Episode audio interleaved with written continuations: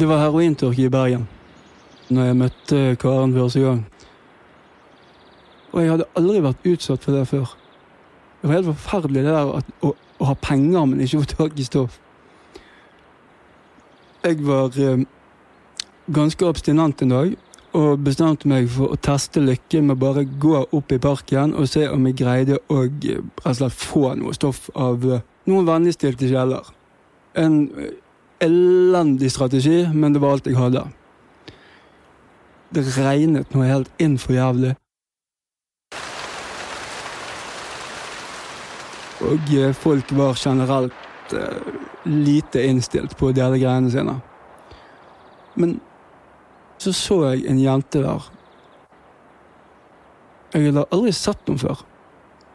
En liten jente med blått hår og noen briller som var gigantiske. Og hun gikk og solgte dop. Og eh, til og med gjennom min gjennomabstinente kropp så ble jeg veldig Jeg vet ikke dratt mot henne. Og eh, hun gikk nå og solgte, og jeg gikk og tigget og eh, kom ingen vei. Og til slutt så bestemte jeg meg for bare gi opp og gå. Men så så hun at jeg satt og leste, og lyser opp og sier 'Å, jeg elsker Sandman'. Og så kom vi i snakk om eh, forfattere og tegneserier og musikk og bla, bla, bla. Og eh, da har jeg tydeligvis en, en gest av eh, Hva skal du kalle det? Gavmildhet. Så valgte hun å gjøre meg frisk. Dealen var OK, jeg kan låne Sandman-samlingen din, så kan du få deg et fiks. Jeg syns det var en kjempegod deal, så syk som jeg var. Ok, Så tørken vedvarte, og hun hadde fortsatt varer. Helt til pusheren hennes bestemte seg for å reise på en tre måneder lang ferie til Tunisia. Og da var hun plutselig like fucked som resten av oss. Men hun hadde en briljant idé. At vi skulle reise til Danmark. Og der var det jo definitivt ikke tørke. Og jeg tok jo det selvfølgelig som en romantisk gjest. Vi kom oss til Danmark. Vi, var, altså jeg har vært i Tivoli og Kristiania noen ganger. Og vi går ut fra togstasjonen, går rett til nærmeste taxi og sier ja, vi skal til Istegata. Sjåføren snur seg og sier Istegata er på andre siden av jernbanestasjonen. Men eh, dansken hans var mer enn de skjønte, så han fikk seg en, en gratispenger der. Tre minutter seinere så går vi 20 meter inn i Istegate og blir omsvermet av horer og narkiser. Og der dukker det opp en som har det som er ofte den hellige gral for norske junkier, nemlig hvit heroin. Hvit heroin er annerledes fordi du ikke trenger å tilsette sitronsyre for å eh, løse det opp. Sånn at du har heroinbase, og så har du heroinsalt, eller hydroklorid om du vil. Heroinbase må du blande ut med sitronsyre for at det skal løse seg opp. Ellers så blir det bare en grumsete pulvervæske. Mens hvit heroin det bare blander ut i vann, akkurat som amfetamin, og så løser det seg opp. Så etter vi hadde fått denne delen heroinen, så måtte vi finne en plass å administrere det. Så vi gikk og gikk og gikk og gikk og gikk og gikk og gikk. Helt til vi fant en park. Og tenkte at wow, dette var jo en super plass. Vi hadde et teppe som vi kunne legge på, og som vi kunne ha oppå oss. På dette tidspunktet var det begynt å mørkne. Og vi begynte å rigge oss til og fikk justert oss og ble steina, og yes. Etter hvert så, vi at det var overdrevent mange unge menn rundt oss. Unge menn som det kom eldre menn til, og de forsvant inn i buskene. Så da begynte å riste litt.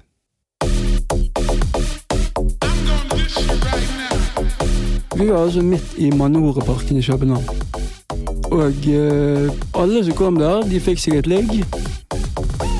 Utenom meg. altså etter vi hadde bondet på disse forfatterne og eh, tegneseriegreiene våre, så trodde jo jeg at hun var keen på meg. Og eh, nå som jeg var kjemisk modig, så prøvde jeg meg på et kyss. Men til min veldig store overraskelse så var ikke hun interessert. hun var der utelukkende for å kjøpe billig heroin. Jeg tror jeg var en slags blanding av selskap og beskyttelse. Mitt junkiehjerte var knust.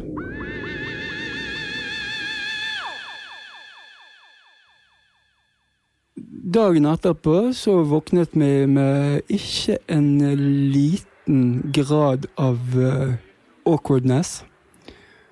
Men vi fant ut at ok, vi bare justerer oss, og så prøver vi å få tak i mer heroin, og så snakker vi ikke mer om dette. Og det fungerte jo greit. Vi sto opp, uh, satte skudd, og begynte å vandre inn mot uh, Istegate igjen.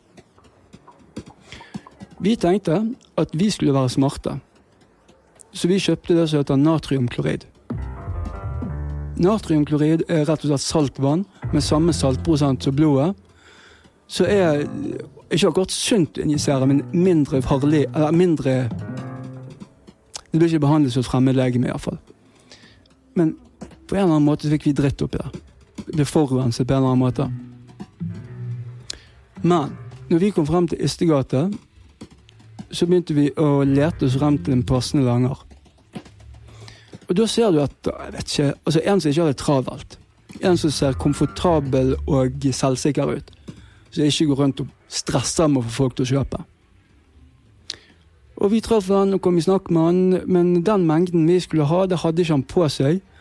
Så da ble vi invitert med hjem til han.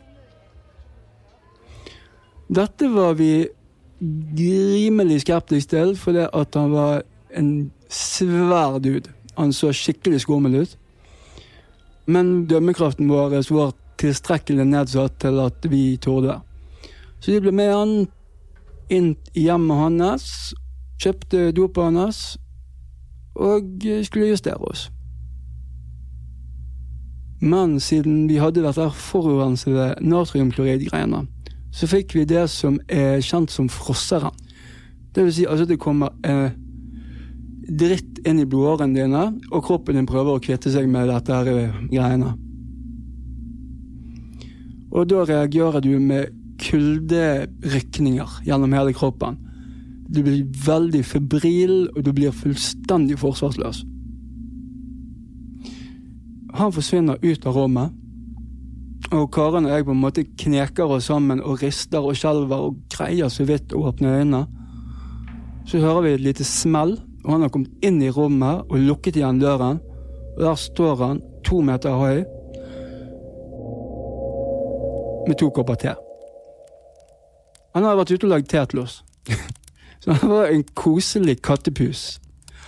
Han dekket oss til med tepper, og liksom, altså virkelig dekket oss til. Og du vet sånn som moren gjorde, knadde de under føttene og kjente på panen vår, blåste på tekoppene våre. og Ja. Så feil kan man ta. Så fortsatte uh, København-turen vår. Og da bestemte vi oss på å ha vår eneste natt på et hotell. Og når vi hadde tatt oss inn der, så var klokken bare tre på formiddagen eller noe sånt. Og vi satt oss i skudd og satt oss på sengen og begynte å fortelle historier. Og så glidde vi langsomt nærmere hverandre.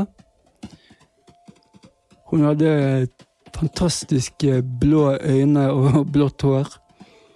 Ja, jeg var bare veldig tiltrukket. Så jeg bøyde meg frem, strøk på kinnet og henne. Og det gikk. Endelig. Så da når vi hadde kysset og lagt med hverandre og eh, sett hverandre inn i øynene og fortalt hverandre tåpelige kjæresteting.